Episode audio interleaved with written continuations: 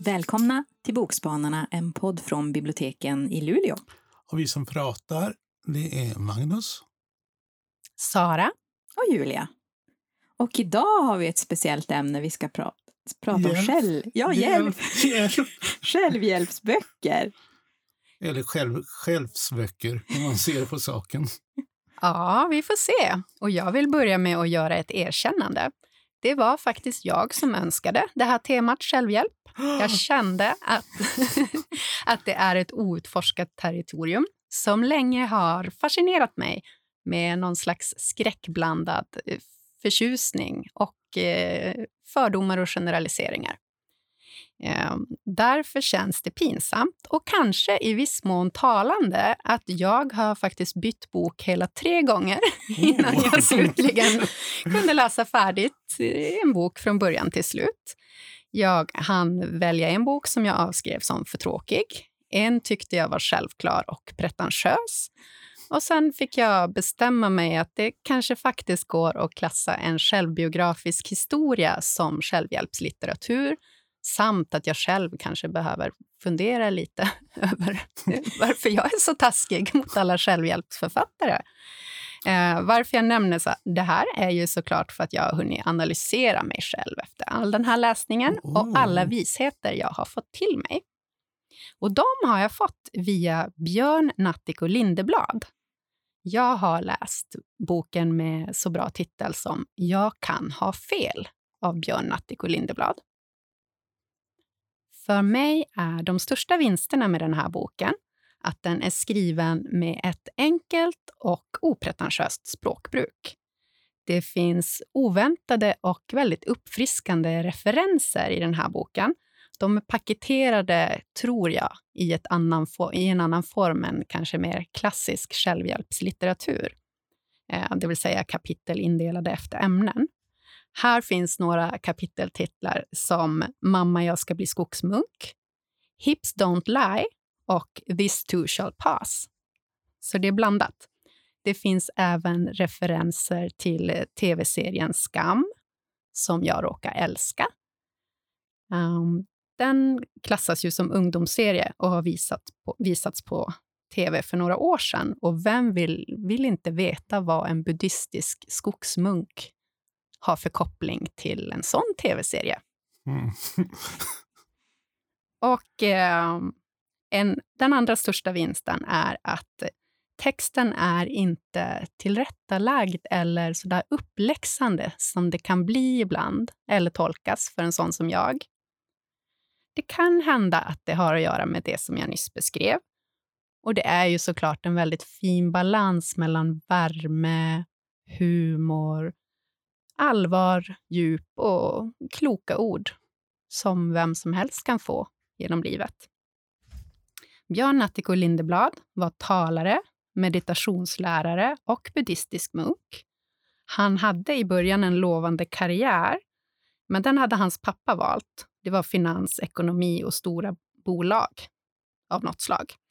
I Jag kan ha fel får du följa hans väg från Handelshögskolan till Thailand, England, Schweiz, till en ALS-diagnos och mötet med och accepterandet av döendet och döden. Och jag tyckte massor om den här boken. Den lever kvar. Jag har markerat. Nu vet jag inte hur ni ställer er till det här. Jag erkänner att jag har gjort en del hundöron. det finns det självhjälpsböcker om att man inte ska göra. Det blir nästa val att läsa en sån då kanske. Men jag har fotat av en del och jag fällde till och med några tårar i slutet. Och eh, jag vill bara... sidorna fuktiga? Fuktade och hundöron på min lånebok. Nej då, det är ingen fara. Givetvis. Ehm, jag ville läsa ett, ett stycke från den här boken som handlar om när Björn skulle göra inskription i sin vigselring. Och det lyder så här. När juveleraren fick höra om mitt önskemål så skrattade hon och sa att det var det mest oromantiska hon någonsin fått i uppdrag att skriva i en ring. Uttrycket jag ville skriva i ringen hörde jag för första gången för 25 år sedan och det utspelade sig på 1200-talet då en persisk kung ledde sitt rike med legendarisk visdom.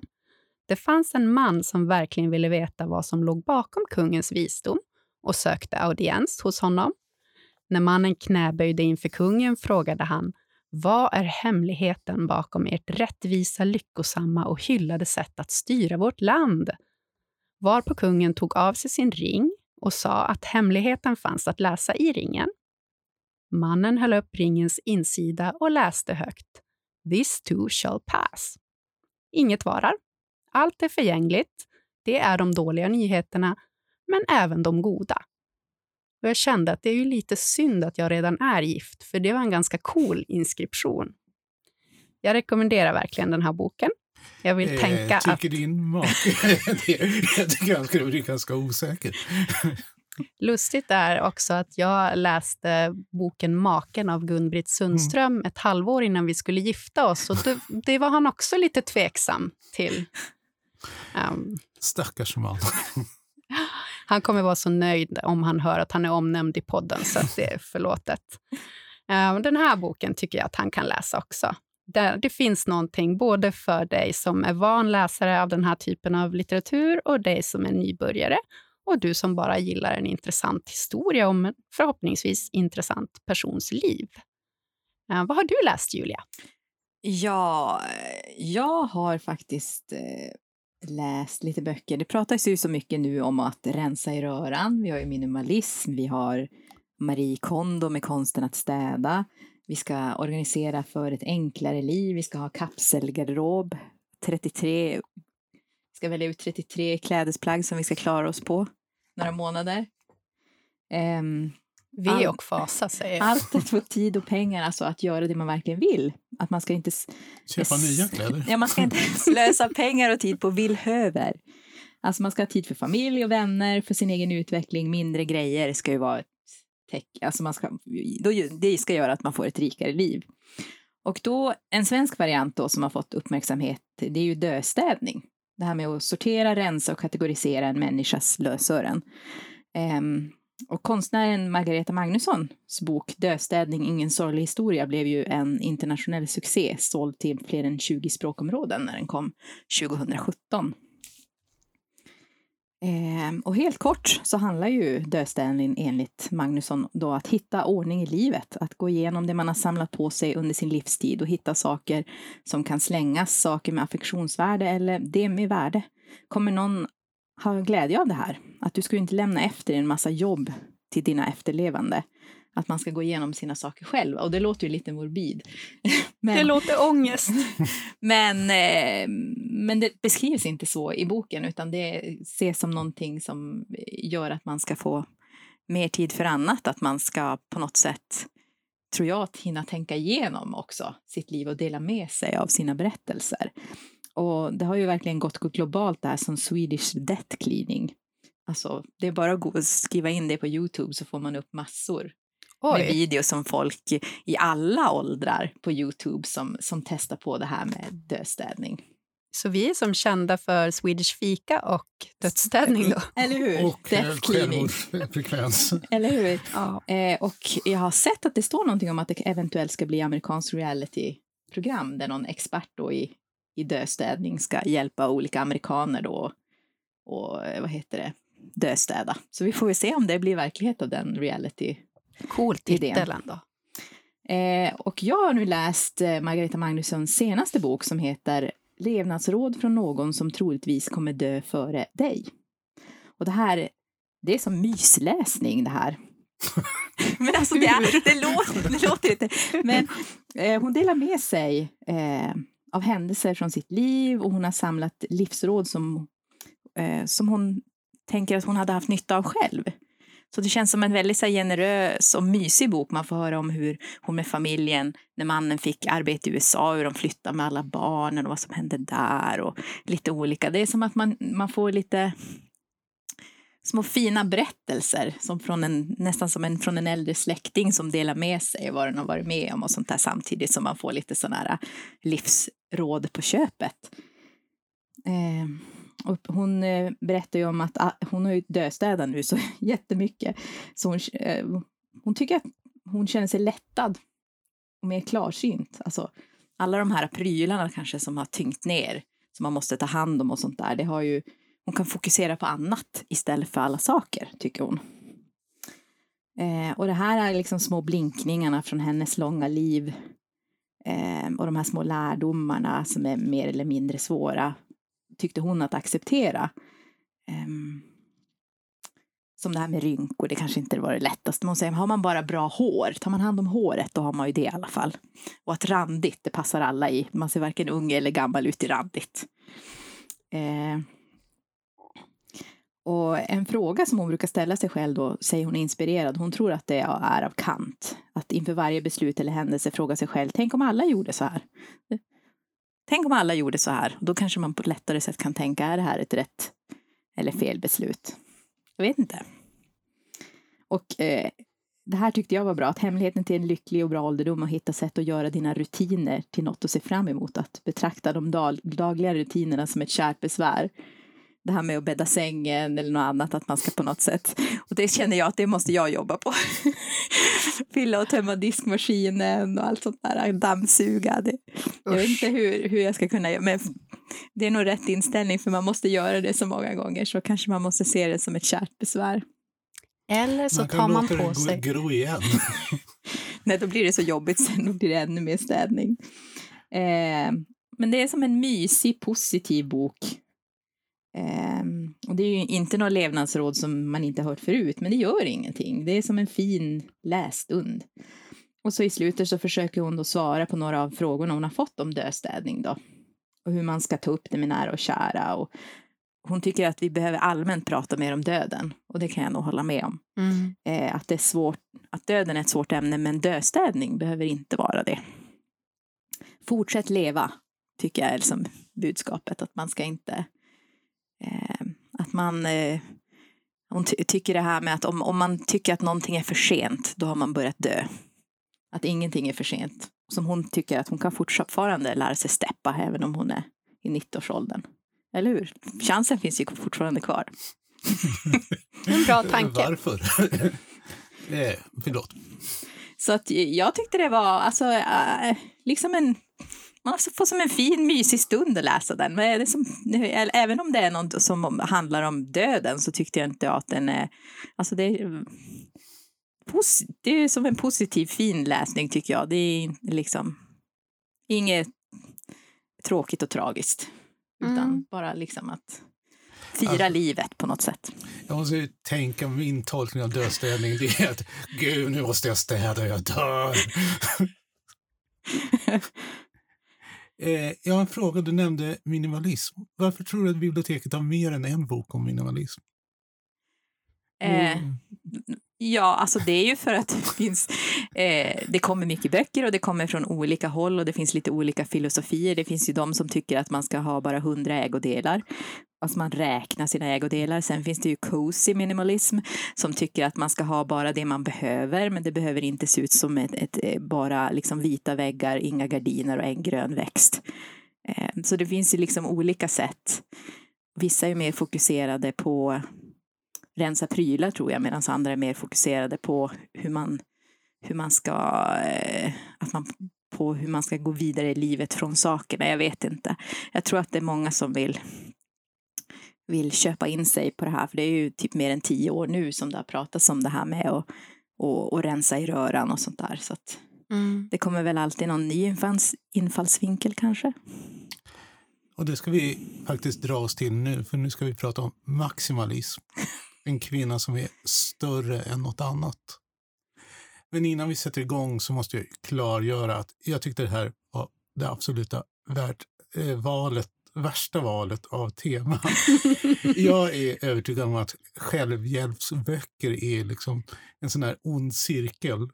Man köper en bok för att få reda på vad som är fel och så måste man köpa en bok för att få reda på vad som är fel.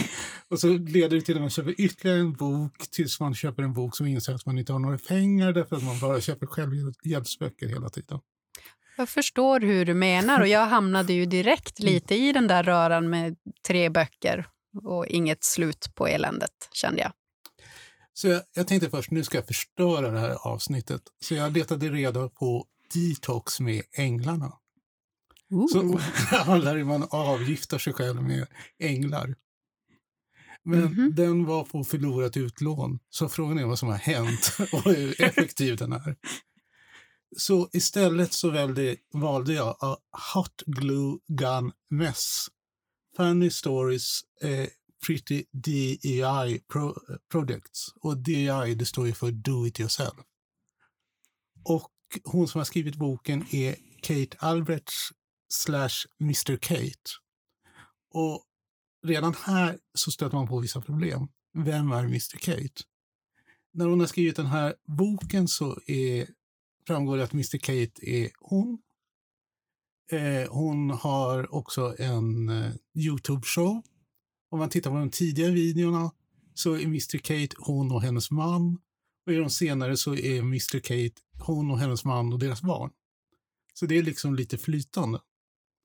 Och det är väl, sanningen är väl att Mr Kate är ett företag.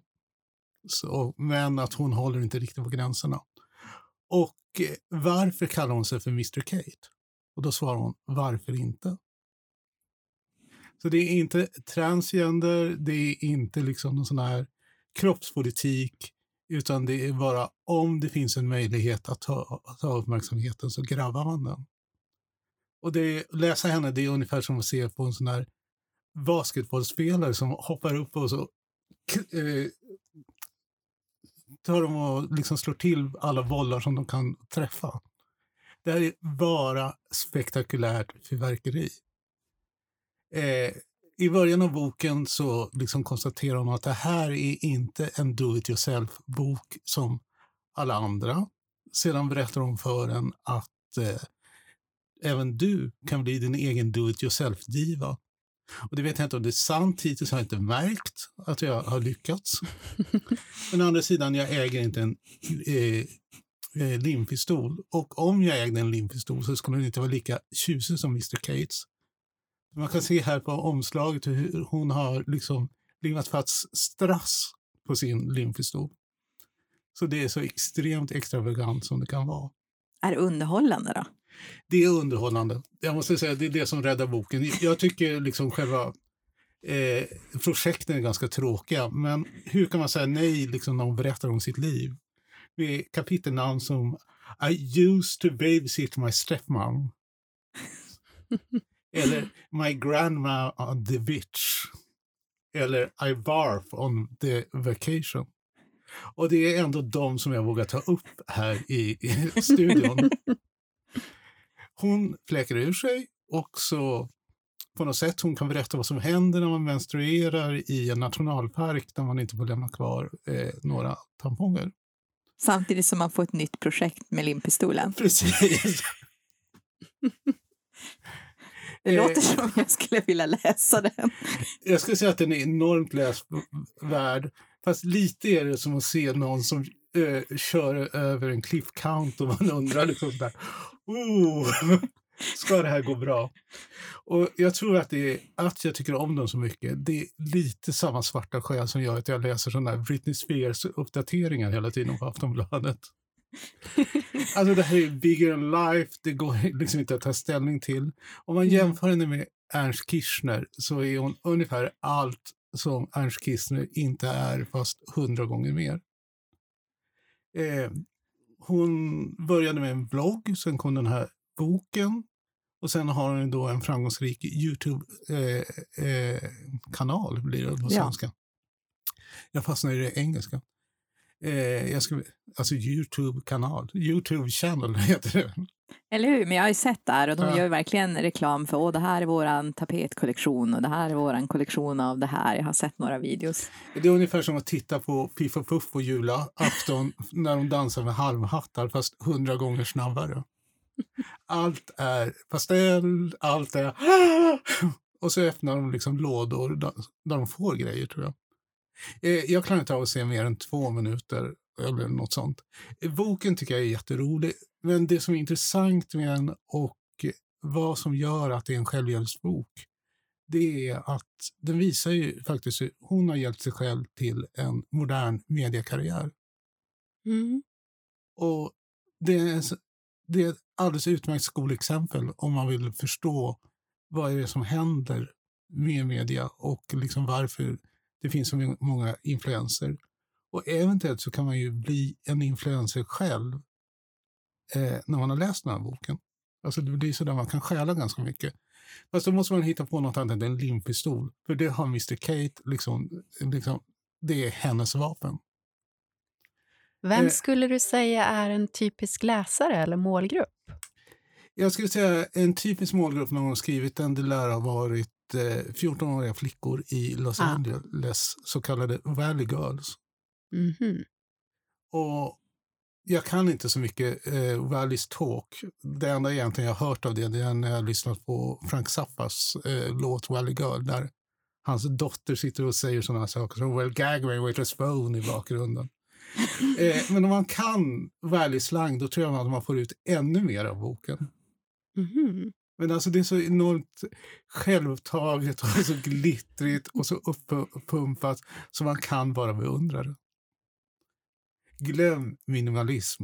Säg ja till maximalism. Men en, en rolig fun fact är ju ändå att jag ser på omslaget, Mm. Magnus, att hon har faktiskt en randig tröja i enlighet med vad Magnusen skulle ha sagt var bra då. Ja, eller hur? Alla passar i randigt. Men hon är ju både på framsidan och baksidan i någon sån här Playboy-bild. Så det är verkligen att bre ut sig. Mm. Inget litet svartvitt foto på bakgrunden. Baksidan. Ja, men det här var ju, det här var ju spännande, för jag tänkte också innan när vi fick, när vi, eh, Sara ville ha det här temat, att vad ska jag ta för någonting? Men då tänkte jag, nej men då kör jag på eh, just det här med rensa och, och det är just för att eh, Margareta Magnusson hade kommit med en alldeles sprillans ny bok. Och det är den jag har tipsat om idag. Levnadsråd från någon som troligtvis kommer dö före dig. Och så ska man ju, om man, om man är intresserad av det, ska man ju absolut också läsa Döstädning, ingen sorglig historia. Den också av Margareta Magnusson. Och jag lyckades ju till sist ta mig för att läsa en hel bok som var Jag kan ha fel av Björn Natthiko Lindeblad. Men du hade rätt när du valde den. Precis! Och jag har ju satt mig i klistret, så jag har ju läst eh, A Hot Glue Gun Mess av Kate Albrecht slash Mr Kate. Känner vi oss hjälpta, eller vad säger jag, hjälpta nu? Vi, vi, den, vi får se. Vi får se. Vi får se. Hej då! Hej då! Hej då! Tack för idag! Tack för idag!